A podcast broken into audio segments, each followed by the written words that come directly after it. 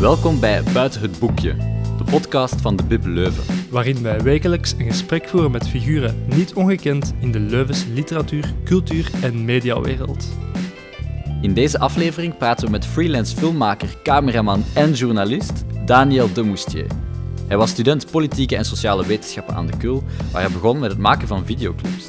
Ondertussen heeft hij in zijn uitgebreide carrière gewerkt voor zenders en netwerken als BBC, Sky, CNN en MTV.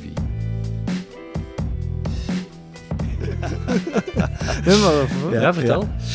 Ja, ik ben momenteel eh, een film aan het afwerken. ehm, een, die gaat gepresenteerd worden. De première gaat op 3 eh, september in Amsterdam op het Theaterfestival. Het belangrijkste theaterfestival misschien wel van Europa. Mhm. Ehm, en dat gaat over een toneelstuk. Dat heet Orestes in Mosul. En het is een toneelstuk dat gemaakt is door de legendarische fameuze Milo Rauw van NT Gent. Eh, de man is een beetje bekend geraakt in België door de controverse van zijn eerste stuk. Hij is de nieuwe intendant van NT Gent.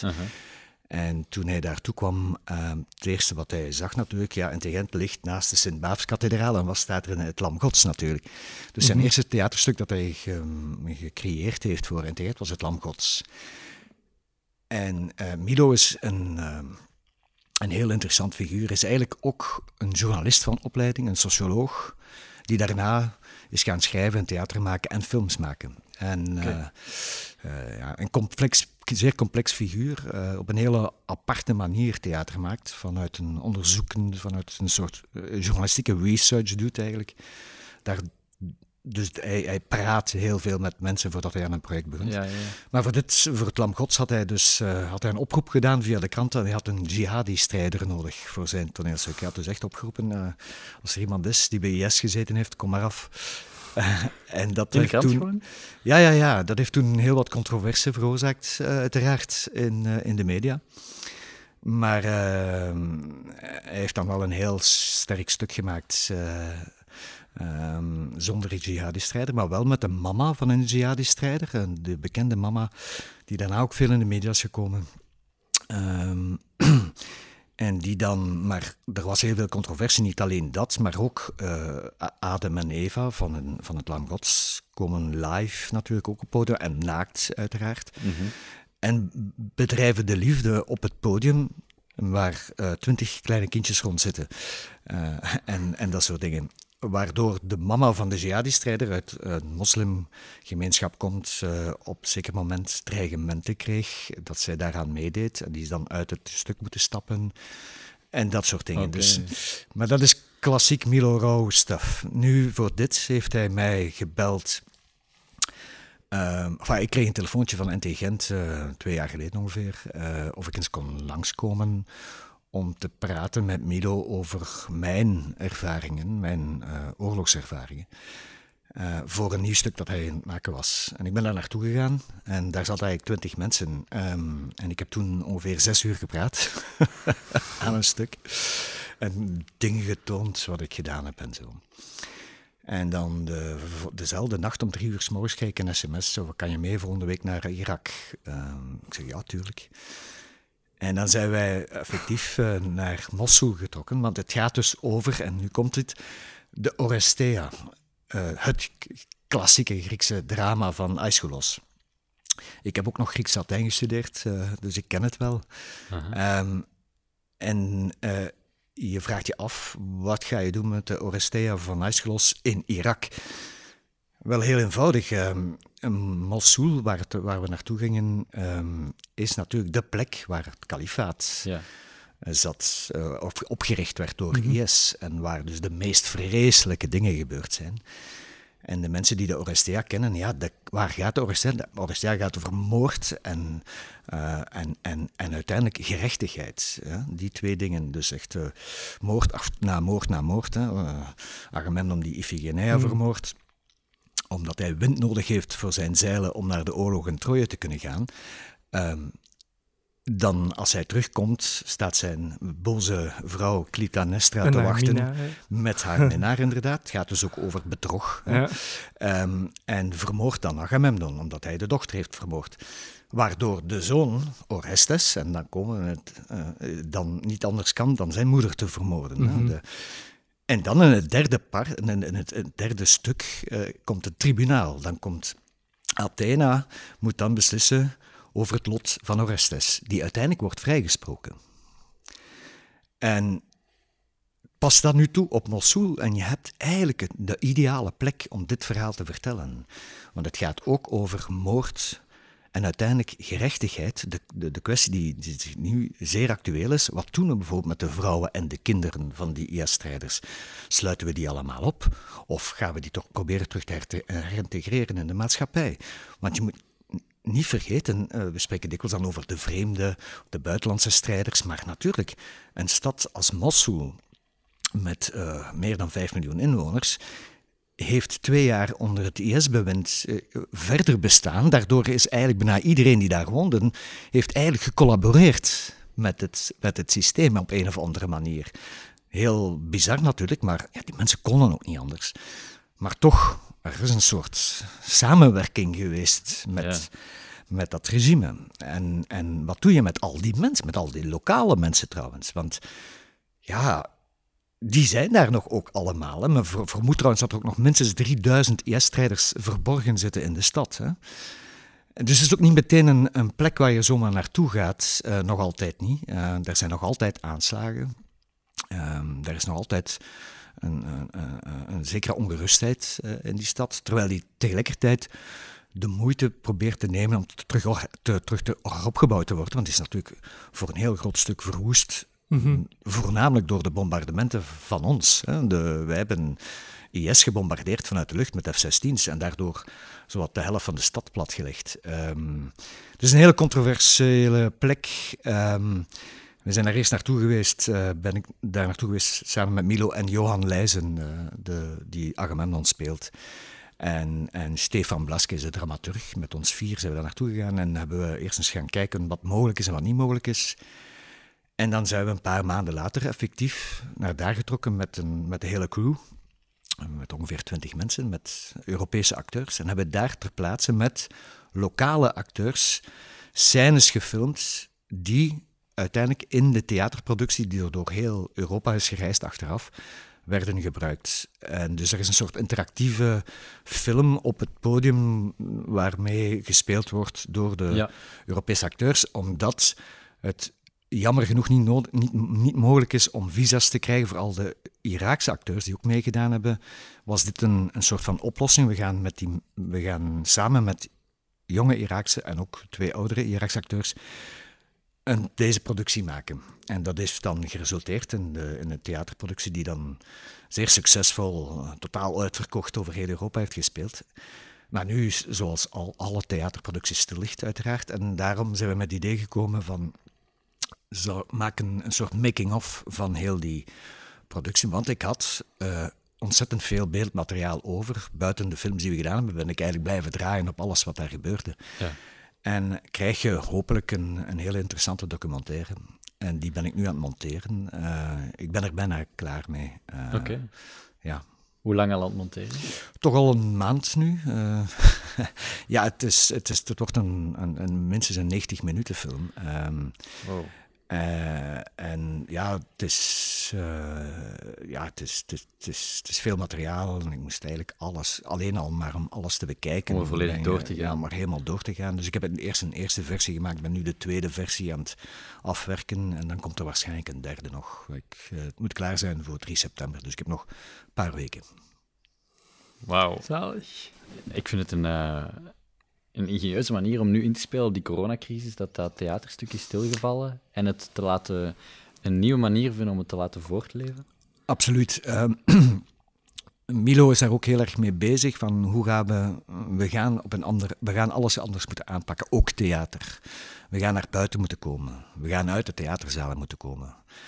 Uh, hoe dat allemaal moet gebeuren. Daar worden veel debatten over gevoerd momenteel binnen de theaterwereld. Daar wordt mm -hmm. naar gekeken van wat zijn nu de opties, wat kunnen we nog doen, wat kunnen we niet doen. En in dit geval, um, want we hebben, je kan natuurlijk in het begin hebben, uh, zijn bijna alle stukken kon je uh, via, via streaming zien of via, sorry, uh, achteraf bekijken. Maar het is niet hetzelfde. Het is heel zoals ook naar, we hebben allemaal gekeken naar ah, van die concerten zonder publiek. Ja. Het werkt niet. Dat, Mhm. dat gaat niet. Je mist de sfeer, je mist eh, ja, het gevoel om, om, om kunst te beleven. Is heel anders eh, met een scherm dan met een. Maar daarom hebben we geopteerd om, om deze aanpak, om een soort meer een documentaire film te maken, waarin dan het stuk ook in zit in fragmenten.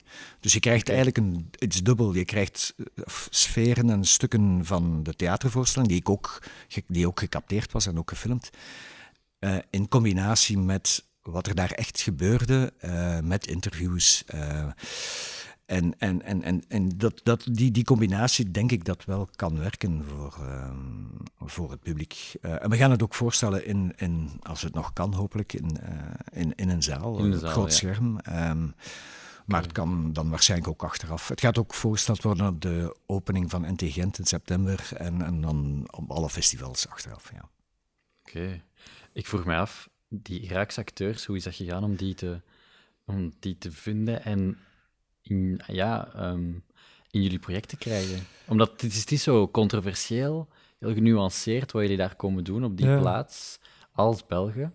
Ik vroeg me af, hoe is dat Gebruiken gegaan? jullie lokale fixers daarvoor? Of? Ja, dus dat is een heel goede vraag. Ehm, en dat is grappig, want nu kunnen we een link maken met een van jullie allereerste podcasts, namelijk met Rudy Franks. Mhm.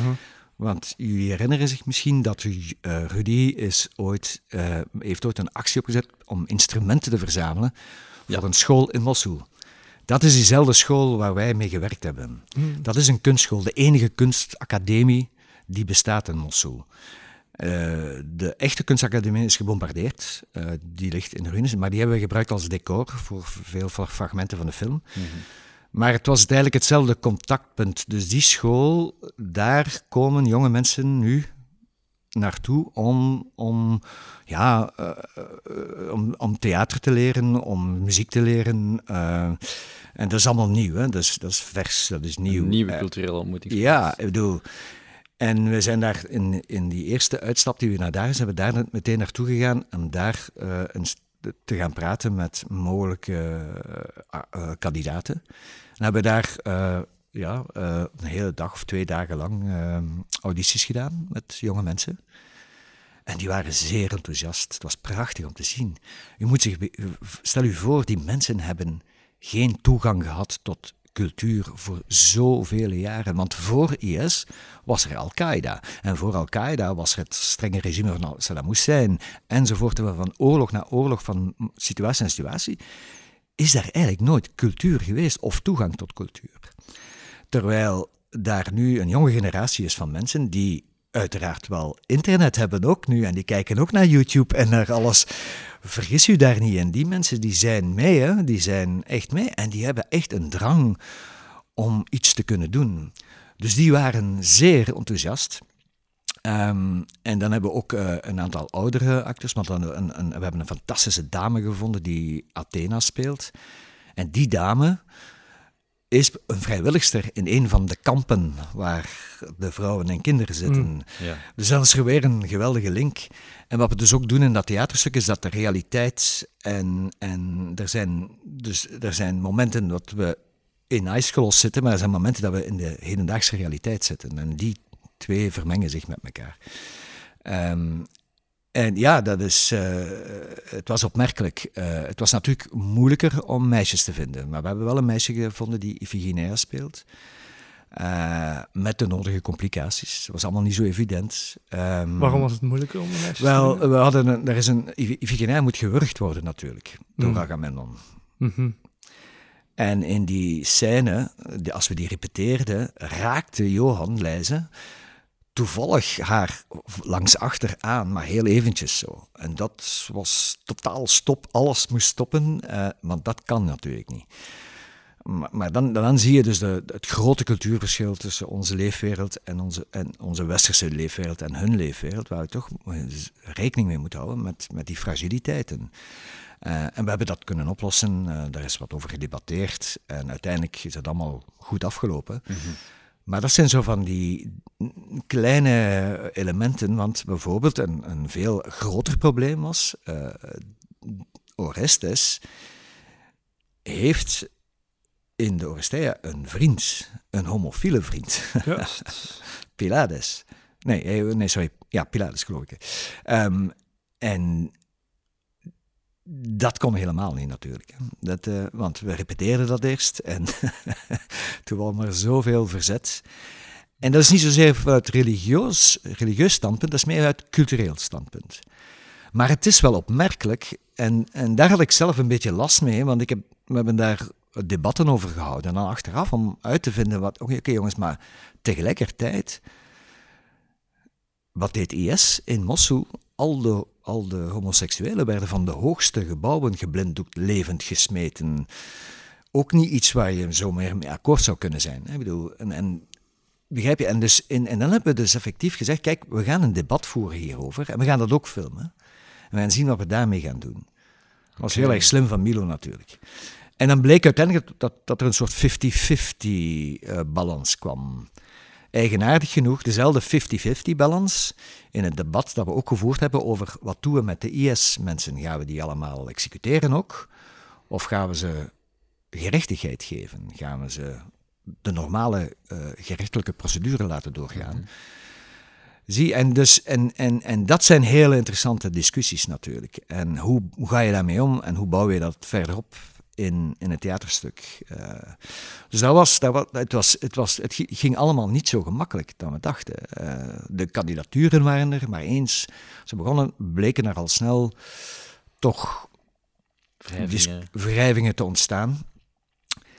Maar uiteindelijk is het allemaal prima afgelopen en hebben we de grootste vriendschap nu met al die mensen. Ik blijf daarmee in contact. Uh, um, en eigenlijk wou ik.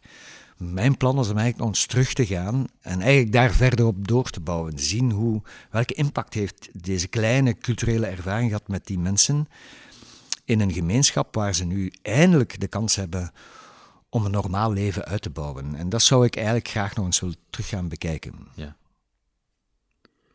Dus er is nog ruimte voor een follow-up? Eventueel, ja. ja. Maar ik heb verschillende projecten nog in mijn hoofd die nu allemaal stil lagen. Ja, ik, ik ben ook heel erg geraakt door de coronacrisis. Ik had uh, drie, vier projecten die allemaal geannuleerd zijn. Ja, is dat wel iemand als uh, op een vliegtuig kan springen opeens? Ja. Dat, dus nu zet je wel een beetje gelimiteerd. Dat is volledig gedaan natuurlijk. Ja. Uh, en ja, ik heb twintig jaar bijna niks anders gedaan dan gevlogen. Uh, en, en, dat, en pas op, het, het, het, bevalt me wel eigenlijk nu. I mean, voor veel mensen, en ik denk dat veel mensen daarmee akkoord zijn, die eerste periode van de lockdown was eigenlijk een enorme opluchting. En dat we allemaal terug mm -hmm. een beetje konden terugzakken naar een normaal bestaan bijna. Uh, dat, was, dat was zalig. ik, ik heb daar echt van genoten. En de stilte. En hoe je ook kijkt anders naar de dingen op straat. Je, daar val, in één keer zie je dingen die je anders nooit gezien had. Omdat je een heel ander tempo leeft. En, en ja, dat was een, een echt een bevrijding bijna. Ik bedoel, uh, ik heb daar echt van genoten. En, uh, maar natuurlijk, na, het begint nu wel stilaan uh, lang te duren. En ja, we moeten professioneel ook terug actief zijn. Nou, ik ben heel erg gelukkig dat ik tenminste dit project heb waar ik kan, kan werken nu. -hmm. Maar ja, uh, wat dan daarna? Uh, het is een heel groot vraagteken. Oké. Okay. En hoe gaat uw familie daarmee om vroeger? Allee, dat je zo constant ja, ja, en naar gevaarlijke plekken ook? Ja, ik heb dus uh, ja, bijna twintig jaar voornamelijk voor de Britse televisie gewerkt. Uh, eerst voor de BBC en daarna voor ITN, was Independent Television News. Uh, dus het is een organisatie die het nieuws maakt voor ITV en Channel 4 de, de commerciële zenders van de Groot-Brittannië, zeg maar. Uh, en ja, ik ben daarin gerold en uh, ik had al een beetje oorlogservaring opgedaan door te werken voor de VRT in het begin, uh, voor Panorama. Mm -hmm. Uh, met mijn grote helden zoals Johan de Poorter en William van Laken ben ik dan, hebben we Libanon gedaan, de eerste dingen in Bosnië, Kosovo. Maar dan ben ik voor de Britten gaan werken en dan uh, ja, ging het heel erg snel. Um, en rolde ik van de ene oorlog naar de andere. Uh, niet alleen oorlogen, maar wel veel conflicten gedaan. Uh, maar je doet ja, ook de aardbevingen en de drama's in de wereld. dat, dat kon alles zijn eigenlijk. Ehm, tot, tot Maddie McCann, waar ik ook maanden mee bezig geweest ben. al dat soort dingen. Dus de big stories, zeg maar. En mhm. dat vergde natuurlijk veel verplaatsingen. Ehm, dat kwam neer op vier vluchten per week gemiddeld, zoiets. Uh, acht, negen maanden per jaar onderweg. Wat natuurlijk niet uh, simpel is met een familieleven, uh, absoluut. Ik heb ontzettend veel geluk gehad en mijn dankbaarheid zal eeuwig zijn naar de moeder van mijn kinderen, die, die dat ongelooflijk heeft opgevangen allemaal. En natuurlijk, het wordt een, een, een, routine bijna en een gewoonte. Dus ehm, het, het, het, misschien aan de andere kant waren natuurlijk ook wel de goede momenten. Want soms, je bent niet altijd bezig. En soms had ik ook wel weken dat ik thuis was. En dat ik dan veel grotere quality time had met de kinderen dan, dan andere papa's die elke dag van zeven tot zeven weg zijn. Dus, en dan hebben we ook uh, terug veel gereisd met de kinderen. Um, een, bijkomend voordeel van zoveel reizen dat je veel airmiles krijgt. En met al die airmiles hmm. te verzamelen kan je gratis naar vakantie gaan. Uh, en dan nam ik de kinderen ook mee terug naar Afrika, naar het Midden-Oosten, naar Azië. Um, en dat waren fantastische reizen. Um, en, en ik weet dat ze daar ook heel erg van genoten hebben. Um, en je ziet dat nu ook, mijn, mijn kinderen die, die nu zelf aan het reizen zijn. Uh, en die ook uh, heel erg creatief zijn en heel erg, uh, nog meer dan ik, in de, in de kunstwereld zijn terechtgekomen. Hoe is het eigenlijk allemaal begonnen, dat je bent beginnen filmen? Wel, ik uh, ben eigenlijk een gewetensbezwaarde. Dat betekent, uh, ik, wou, ik was een van de laatste sukkelaars die nog naar het leger moest toen het nog verplicht was. En uh, ik heb dan besloten om burgerdienst te doen in de plaats, wat toen kon. Dubbel zo lang, dat is dan twee jaar in plaats van een jaar.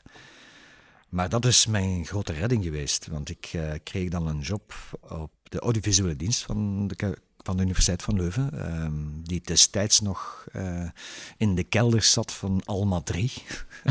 Echt? ja. Oké. Uh, daar hadden we een studio en, en montageruimtes en zeer goed uitgeruste audiovisuele dienst met, met, met, met topmateriaal. Alma 3, dat is die daar, buiten de ring een beetje. Dat is die uh, achter het sportkot, hè? In ja, ja, die in Heverlee. In Heverlee, ah, ja. oké. Okay. Ik, heb, ik heb daar een heel jaar uh, constant gegeten. Ja. Oh, maar daar, in die kelders? In die kelders zat de audiovisuele, audiovisuele dienst destijds. En daar zat bijvoorbeeld ook iemand, dat was een vriend van mij, Walter Verduin onze bekende Leuvense zanger, crooner, maar ook uh, videokunstenaar. Uh, weinig mensen misschien niet zo van op de hoogte zijn, maar Walter Verduin, dan ook de oprichter van Pas de Deux, die dan ooit met het Eurosong Festival uh, heeft meegedaan.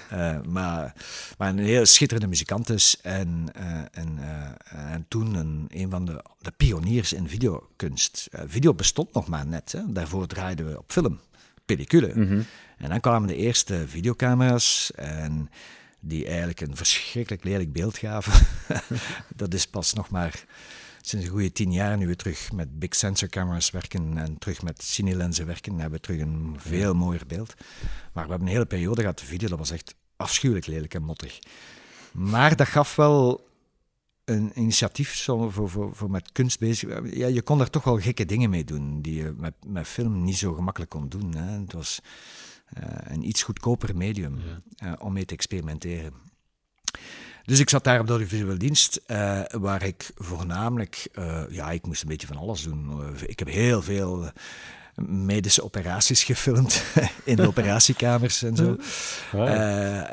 en we maakten ja, wetenschappelijke films en zo. En, en ik moest een keer alles doen, en filmen en monteren en de geluid. En, dus ik was ik heb een soort, soort one-man band opleiding gekregen, van mijzelf geleerd. Uh, en dankzij ook de collega's die daar werken, die mij geweldig goed geholpen hebben toen. Maar zo heb ik het métier geleerd eigenlijk, om, om echt te filmen. En, en ik had eigenlijk pol en sok gedaan daarvoor.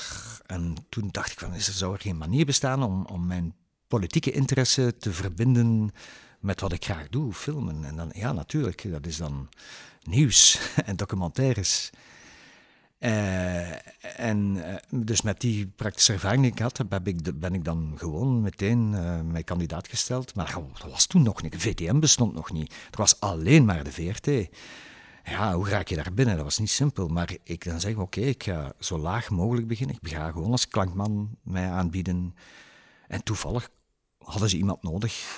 Ze bel, mijn eerste job was een telefoon van de VRT. Uh, kan je morgen vertrekken naar Libanon? Meteen naar Libanon? Uh, meteen naar Libanon.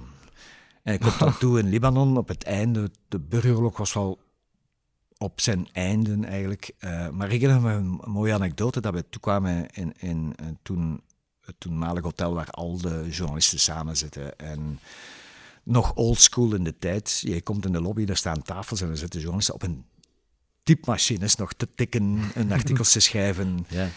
En we waren aan het inchecken en er valt dus een, een, uh, een granaat uh, vlak bij het hotel. Bof. En ik schiet meteen onder een tafel van de schrik. En ik kijk terug naar boven en ik was de enige. Al die andere mannen waren gewoon rustig aan het verder tikken. Die kijken zo naar mij van, uh, mijn manneke toch. en zo leer je het wel meteen. Maar dat was zo, wat is dit hier allemaal? Stevige um, ontgroening wel. Ja, dat wel. En dan word je er eigenlijk snel aan gewoon. Mm. Um, en tegelijkertijd dacht ik van, wauw, dit, dit is wel het echte leven. Dit is de mm -hmm. realiteit. Mm -hmm. En om dit te mogen meemaken van op de eerste plaats, dat is iets, iets, sorry, dat is iets echt uniek. Um, en ik was eigenlijk meteen verkocht, ja. En ik dacht, ja, dit wil ik eigenlijk wel meer doen. Uh, dit interesseert me wel. En dan, ja, rol je van het ene verhaal naar het andere en dan gaat het alsmaar verder. Uh, en dan dankzij de overstap naar de Britse televisie, die dan natuurlijk meer middelen, meer geld hebben, grotere budgetten hebben, ga je meer vertrekken, ga je meer reizen. En, dan, ja, en plots, uh, voordat je weet, word je een expert in, in, in dat soort um, media. En, en dan, ja, dan is het dan natuurlijk, kregen we dan de golfoorlogen en dan uh, Afrika. Uh, ik kan eindeloos verder gaan, maar ik ik heb er veel gedaan. Uh, maar de laatste belangrijke uh, verhalen waren natuurlijk de, wat ze de Arabische lente noemden, ja. uh, met een verkeerd woord. Maar dus ja, Cairo natuurlijk, hè, Tahrirplein. En dan van Cairo gingen we naar Libië. En van Libië gingen we naar Syrië. En daar is het fout gelopen. Want in Syrië was er plots IS. En waren er organisaties die waar je echt niet meer uh, mee te maken wilde hebben. Hè? Daarvoor, ik ben ook veel in Afghanistan gegaan. Met de Taliban, daar kan je nog mee praten. Uh, je kan, ik, heb, ik, heb, de Taliban kunnen filmen en ik heb alles. Maar in Syrië gebeurden er verschrikkelijke dingen en zagen we collega's die vermoord werden of, of opgepakt worden, die we nooit meer hebben teruggezien, die hun keel werden overgesneden. En, en toen heeft men en terecht beslist vanuit Londen, jongens, this is it. We trekken ons terug. Uh, tot mijn heel grote spijt, want ik vond het verschrikkelijk om weg te gaan. Um, ik, had, ik wou eigenlijk blijven in Syrië, omdat het verhaal en wat is er dan gebeurd? Ja, al de media hebben zich teruggetrokken. En dan ben je plots terug afhankelijk van enkel de YouTube-filmpjes uh, die rondcirculeren. Mm -hmm. En waar je eigenlijk nooit de echtheid, de gewaarheid van kan bewijzen. Um, en dat is een probleem. Mm -hmm. Dat is echt een, een journalistiek probleem. Ja. Ik blijf erbij dat de echte, pure journalistiek alleen maar kan uitgevoerd worden als je ter plaatse bent. Je moet daar zijn. En je moet alles met je eigen ogen kunnen zien voordat je een verslag maakt. En dat zien we nu minder en minder en minder. Ja. Je weet niet of het citizen journalists zijn of propaganda is of ja, het is informatie. Inderdaad, inderdaad. We hebben natuurlijk uh, mensen getraind en opgeleid, lokale mensen, waarvan er sommigen fantastisch goed waren. Hè? maar nog altijd, ja, daar, komen, daar circuleren dan beelden die dan meteen overal, die, overal verspreid worden mm -hmm. en die dan plots als waar worden aangenomen. En je weet niet of het waar of niet is. Niet alleen dat, dus ik bedoel, dat, dat is het, dan spreken we over het, het feit van, van, van betrouwbaarheid. Uh, maar tegelijkertijd zien we ook meer en meer uh, journaals, nieuws. Kijk nu eens nog naar, het, naar onze journaals hier in België. Ik denk dat wat 60, 70 procent van is, zijn, zijn telefoonfilmpjes gemaakt door door, door normale, door, door burgerlingen. Mhm. En, en, en, en dikwijls is dat oké en, en, en, en helpt het om het verhaal te vertellen, maar het is toch niet dezelfde kwaliteit. Het is toch niet, eh, het is niet hetzelfde als zo snel een stukje van, eh, van iemand zijn telefoon te tonen dan effectief een, een, een, een, een, een stuk te maken met een, met een goede tekst, met een, met een goede research, met eh, goede beelden, goed geluid. Ja, en dat, dat gebeurt bijna niet meer. En eh, ja, ik zie het met leden ogen aan. Hm. Ja, dat is ook een beetje bij print, vind ik. Dat je vaak nu, de media neemt vaak stukken over van andere media en ze nemen zelf geen interview meer af. En ehm, ja, als respons daarop zien we dan eigenlijk meer digested news komen, zoals bijvoorbeeld de correspondent. Hè, dat is meer analyse en dat komt trager aan, maar krijg je meer de bigger picture. Dus Eigenlijk, wat ik, bij, wat ik van u hoor misschien, is dat je ook een beetje pleit voor een meer digested vorm van videojournalistiek dan. Ja, absoluut. Eh, eh, je correspondent is een mooi voorbeeld. Mhm. Er zijn natuurlijk, eh, je zou kunnen zeggen, ja, het is allemaal de schuld van het internet. Mhm. Dat is een beetje een flauwe natuurlijk. Hè. Het internet geeft ons zoveel. En het, de kwestie is, hoe gaan we daarmee om en op welke manier kunnen we er ook beter gebruik van maken. Ja. Correspondent is een goed voorbeeld. Ehm, en er zijn natuurlijk ontzettend veel eh goede initiatieven, ook op video. Nou, eh, ik bedoel, Vice bijvoorbeeld maakt zeer sterke dingen. Ehm, ehm, er, zijn, er zijn absoluut goede dingen. eh, maar laten we zeggen, dat is voor een heel klein percentage van, van de bevolking. Terwijl ik werkte voor, laten we zeggen, het meest bekeken eh, nieuws in Groot-Brittannië destijds. Dat wil zeggen, tussen de 10 en de 14 miljoen mensen die tegelijkertijd naar iets kijken. Dat is enorm, hè? Dat, dat, dat, vind je niet op het internet. Dat is, dat is gigantisch. Nu, dat is de klassieke eh, media die dus aan het verdwijnen is, uiteraard. Niemand kijkt nog televisie. Hè? Ik bedoel, sorry, vergeet dat. Ik, ik geloof niet meer in televisie. Ik denk dat televisie op zijn laatste... En, en, en in België valt het nog wel wat mee. Ik, ik- met met, met eh, vreugde merk ik dat er toch nog ontzettend veel mensen effectief naar het nieuws kijken. Maar als je kijkt naar eh, de Anglo-Saxische landen, nou, zeker in Groot-Brittannië, daar zijn. Dus die 14 miljoen die wij hadden, is nu nog 2 miljoen. Hè? Ik bedoel, op 15 jaar tijd. Als het niet door het internet komt, waar komt het dan? Hoe komt het dan? Ja, voornamelijk het internet. en Ja. vooral, voor- ja, natuurlijk. Ik bedoel, waarom zou je nog om, om, stipt om 10 uur je televisie aanzetten om naar het nieuws te kijken? Mhm. want, want dat was ook zo. Het, het, nieuws, het belangrijkste nieuws is om 10 uur s'avonds. Mhm. Ja, 10 uur s'avonds, dan heb je alles al honderd keer gezien natuurlijk op internet, op, in de kranten, eh, op de media. Eh. Ik denk, by the way, trouwens, van print te spreken. eh, je noemt het nog print, maar eigenlijk is het ook geen print meer. Het zijn, maar het zijn wel de kranten die de overhand aan het nemen zijn in het medialandschap. En je ziet dat ook natuurlijk. En, en je ziet ook de- wat er nu ge- gebeurt met VMM. eh, dus alles wordt samengebracht. één redactie die, die uiteindelijk Ja. en al de, kra- de kranten gaat maken van dezelfde groep en de tv enzovoort enzovoort. Dus uiteindelijk zijn we daarnaar aan het evolueren. eh. Eh, en je ziet dat ook iets minder. De standaard is stilaan aan het proberen om ook meer met video te gaan spelen. Ehm, maar je ziet dat in de, de Britse kranten doen het allemaal al jaren. Hè? Dus die, die maken eigenlijk televisie met de krant. Dus dat zijn nieuwe interessante ontwikkelingen en die, die op te volgen zijn. En waarin ik hoop ook nog binnenkort deel van te kunnen uitmaken. Eh, ik heb daarvoor met de standaard trouwens al gesproken. En er zijn initiatieven. Ehm, dat zou fijn zijn. Eh, maar natuurlijk, de negatieve kant daarvan is dat die budgetten natuurlijk minimaal zijn ten opzichte van wat wij hadden vroeger. om, het kost namelijk geld om, om goede film te maken of om goede televisie te maken. Eh, noem het wat, of televisie of internet, maakt niet uit. Het moet gefilmd worden en het moet, daar heb je mensen voor nodig en, eh, ja, eh, Tijd ook. en tijd en, en, en, en, en, en transport. Enfin, ik bedoel, daar komt heel veel mee kijken, bij te kijken. En, eh, en al, natuurlijk, dankzij technologie kunnen dingen nu veel makkelijker ook. Eh, dat is ook wel waar. Eh, ik bedoel, ik sleurde vroeger, had ik...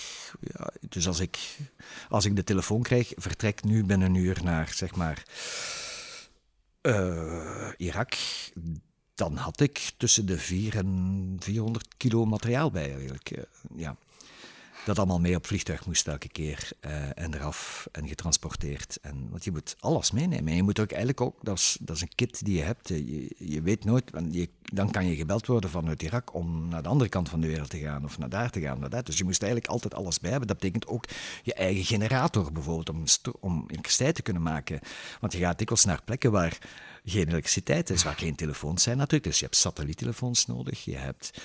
Uh, communicatie nodig, je hebt beschermingskledij nodig, je hebt kogelvrije vesten, helmen, um, um, EHBO-kits, um, je eigen voedsel ook dikwijls, want soms is er geen eten. Je, je vertrekt naar een aardbeving, ja, daar is geen eten. Dus dan neem je dozen met zo, ja, we noemen dat, ja, dat een soort astronauten, voedselpakjes. Maar als je professioneel wilt zijn, moet je dat allemaal continu klaar hebben staan.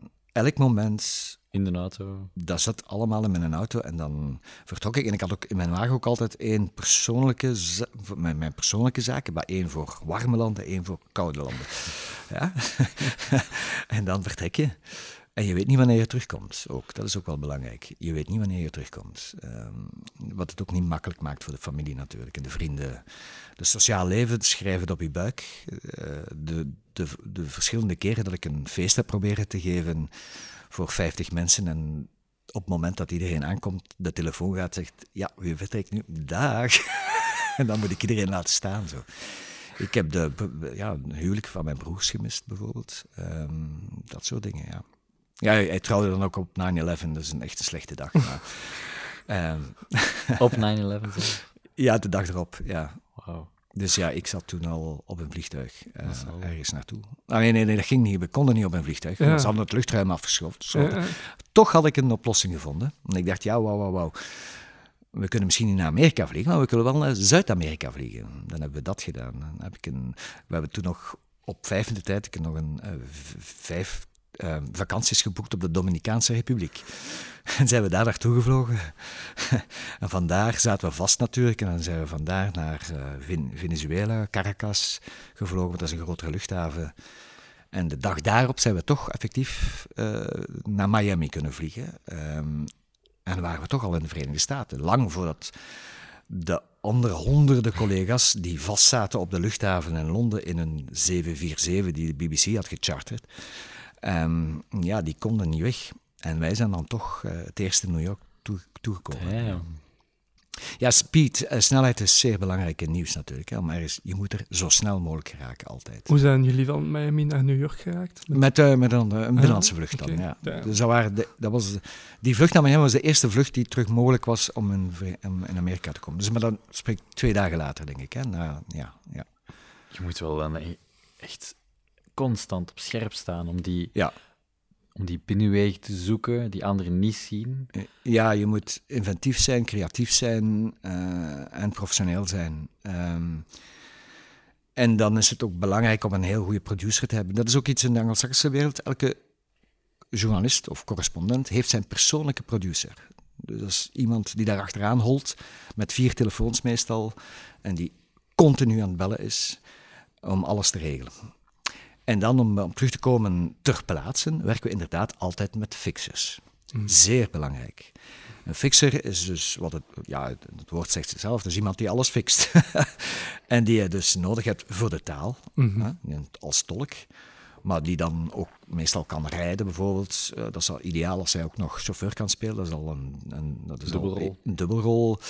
Uh, maar die ook um, journalistiek op de hoogte zijn, moet ook een goede journalist zijn. Hij moet weten waar het over gaat en wat onze interesses zijn en wat hebben we nodig. Uh, we hebben interviews nodig met die en die en, en, um, we hebben ook een interview nodig met uw eerste minister bijvoorbeeld. Regel het.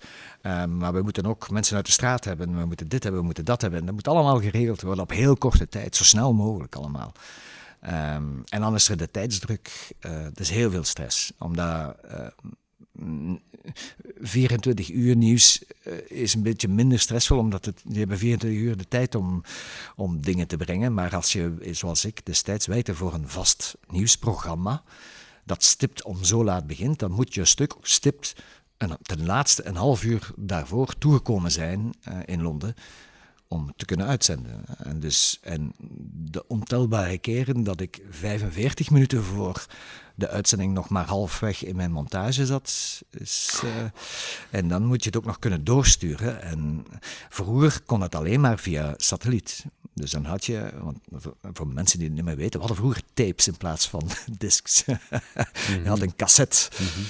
En dan moest je dus een tv-station in de buurt hebben waar je dus die cassette dan in een machine kon steken, spelen en dan komt het toe in Londen in real time. Hè, de play. En, en, en, en, maar goed, een stuk duurt normaal twee, drie minuten. Dus dat, dat twee, drie minuten dat het duurde, dat wist je ook. Het duurt drie minuten om dat te sturen. Maar sinds dat we overgeschakeld zijn naar het internet, moet je eerst een internetverbinding hebben als die er al is, of één creëren. Dat kan ook via satelliet. We hebben zo'n klein, een klein satellietje bij, dat heet een BGAN. Uh, en die kan je, dat ziet eruit als een laptop eigenlijk, dus, maar dat is eigenlijk een klein satellietschotje en daarmee zoek je een satelliet. Als je verbinding hebt, kan je die dan die satellietverbinding aansluiten aan je laptop, aan je computer en zo op het internet gaan. Maar dat is Oh. bijzonder traag internet. Dus, en je weet ook nooit van tevoren hoe lang het gaat duren voor die twee, drie minuten video door te sturen. Dus dat is altijd bidden. Van het moment dat je start doet, dan zegt hij nog 52 minuten. en dan zo, nee, nee. Uploadsnelheid 10 kilobyte per seconde. Ja, ja, ja, je weet het niet. En bedoel, eh, dat is zo. Enfin, ja, wel, eh, als je het via satelliet doet, ehm, dan kan je natuurlijk eh, in de hoogste kwaliteit gaan. Maar dat kost dan al snel eh 50 dollar per minuut. Ehm, dus ja, eh, ik, spreek van kosten en geld en zo. Dat, dat is er eentje. hè. Eh, ehm, ja, dus dat is altijd heel erg spannend. Ehm, nog altijd, eh, telkens om iets door te sturen. In dat opzicht is het bijna een step back om het internet te gebruiken. Ja. Daar had ik nog niet eens over nagedacht. De, de satellietverbindingen is nog altijd het allerbeste, de grootste kwaliteit. eh, natuurlijk, het is veel beter van kwaliteit. Nu hebben we wel iets nieuws. en het is misschien wel interessant om te vertellen. Ehm, iedereen kent natuurlijk die, wat we noemen de SNG's, de satellietwagens die de journaals gebruiken om lives te doen. Hè. Dus komt er zo'n vrachtwagen en met een satelliet op zijn, zet hij even omhoog, maakt een verbinding, er rolt een kabeltje uit naar de camera, er wordt een journalist voorgezet en ze kunnen live gaan. En dat is ook de beste kwaliteit en alles wat je wil. Maar kost natuurlijk ook gigantisch veel geld. Hè? Want je moet die satellietverbinding kost heel veel geld. Zo'n zo'n SNG-wagen kost gigantisch veel geld. Je hebt dan nog eens een extra ingenieur nodig om dat te bedienen enzovoort. En nu bestaat er eh, een, bestaan er kleine bakjes, zeg maar. er zijn er twee of drie op de markt. Eh, Live View heet er eentje. eh, of en, en ja, dat is eigenlijk een bakje waarin zes simcards zitten. Dus je hebt dan zes keer 4G samen. En als je die allemaal samen doorstuurt, heb je natuurlijk een gigantisch veel eh, grote frequentie. Be- be- ehm, ja, heb je eigenlijk bijna broadcast kwaliteit. Dat is Ja. broadcast kwaliteit, dat is echt zeer aanvaardbaar. En het voordeel is, ja, je hebt die satelliet niet meer nodig. eh, maar je hebt wel 4G nodig, of 3G. En dat is ook niet altijd overal het geval natuurlijk. hè. Dan moet je daar ook al afhankelijk van zijn. Ja. Maar wauw, wel, straf dat in zo'n klein Ja, pakje dan Ja. kan. Dan kan je ook gewoon van achter op je camera klikken, op de grote camera's. En dat kan je ook binnen doen en je hebt geen kabels meer nodig. En, eh, want telkens als er zo'n, ik zeg maar, er zijn persconferenties binnen en die moet live gaan, dan moeten er kabels getrokken worden naar de straat, naar de, naar de SNG-wagen. En de, ook al extra mensen nodig ja, ja, de kabels ja, te ja, ja, ja, maar dit is vliegensvlug en zo. Ik bedoel, ik ben bijvoorbeeld dankzij eh, dat machientje eh, tijdens de, na de aanslagen in Brussel. eh, hoe heet onze jongen nu weer? Eh, onze grote jihadi, de vijand nummer één. eh, Salah Abdeslam? ja, Abdeslam. Die, die, die, die verdwenen was, die ze aan het zoeken waren. En ik rij Molenbeek binnen. en in één keer zie ik zo... Sta ik midden tussen honderd politiemannen dat, die er in één keer uit het niets kwamen. En die waren hem op het spoor. En ik moest gewoon maar één switch aanklikken en ik was live tussen al die politiemannen. Net op het moment dat ze het huis binnenvallen. Dus dat is, ja, dat, dat is echt fantastisch. Eigenlijk een enorm voordeel. Dat is absoluut een enorm voordeel. Er zijn, dus zoals ik zei daar straks, ja, de digitale technologie kan ons ook wel enorm helpen. Ja. Het is ook subtieler dan zo'n SNG-wagen. Ja, ja, absoluut. absoluut. Dan Ja, maar dat- grote maar, doelwit maar, dat hebben we allemaal gezien. eh, De Black Lives Matter ehm, moment, ik weet het niet, toen eh, een reporter van CNN, was het CNN, geloof ik, ja, eh, op een moment gearresteerd werd door politiemannen. Mhm. Maar die politieman waren niet op de hoogte dat hij live was. Omdat die man, die had zo inderdaad, eh, de- alle Amerikaanse crews hebben dat nu op een camera. Dus die zijn altijd live. Oké. Eh, en men beseft dat soms zelf niet. Soms, eh, in dit geval wisten ze het niet. Ja, er is een bekend filmpje over gecirculeerd. Ja, Dat- ja. Dat was helemaal gelivestreamd. Ja. gewoon. Alles was Die live. aanhoudingen ja. en zo. Ja, ja. Wat ik me afvroeg is, zo weinig tijd meestal, en dat daar zoveel stress bij komt kijken. Ik vroeg me af, is die stress verslavend? Is dat een- een van de aspecten waarom dat je het blijft doen? Want dat is wel altijd een adrenaline dat door u gaat, neem ik aan. Voor de aandachtige luisteraar, hij is nu aan het glimlachen. ja, eigenlijk wel, ja. Toch ja, wel? het is een beetje verslavend. Ehm, je hebt die adrenaline nodig. Die, die, eh, ja, je leeft daarvan, bijna. Ehm, maar aan de andere kant, zoals ik daar straks zei, die corona heeft me daar nu bijna van verlost. en dat voelt ook wel goed. En, ehm, en eh, ja, ik, heb, ik had, dat is ook iets wat ik moet uitleggen. Ik, ik had zo'n grijze haren gekregen, maar zo grijs, wit bijna. Waarschijnlijk van al die stress. Oh, kan dat? Dat wist ik zelfs niet. Ja. Dat je sneller grijs kunt worden. Ja, of- men zegt dat soms, Ja, eh, ja, ja. maar ik weet het niet. Hè. Het, het, ehm, maar ik was eh, ja, heel snel heel grijs geworden. En dan heb ik eh, twee jaar geleden kanker gekregen plots. En was ik al mijn haar kwijt. En nu is het eh, veel donkerder teruggekomen op een of andere bizarre manier. Dus ja. Ehm, maar ja, eh, ik heb nou, ook wel door die kanker natuurlijk en, en nu corona zijn twee dingen die mij terug doen nadenken van waar ben je eigenlijk mee bezig? Eh, misschien is het goed om eens iets anders te doen. En dat probeer ik nu, hè. dus grotere projecten te, te, te, proberen te maken, wat niet eenvoudig is, want je spendeert de helft van je tijd met lobbyen eh, om, om projecten vast te krijgen, om financiën te vinden, om budgetten te vinden, dossiers schrijven, al dat soort dingen. Eh, dat komt er allemaal bij kijken. Ehm, en meestal is het allemaal niet betaald. Hè? Dus dat is, dat is, je, je moet voortdurend je tijd investeren in een mogelijke opdracht die kan daar volgen. En dus het is een heel ander gegeven, een heel andere manier van werken. Maar ik doe het wel ook graag. Ehm, en, en ik hoop dat in die richting verder te kunnen doen. Volgende keer babbelen wij met Senek, Leuvense zangeres die meedeed aan het Eurovisie Songfestival in 2018. Bedankt om te luisteren. Tot de volgende.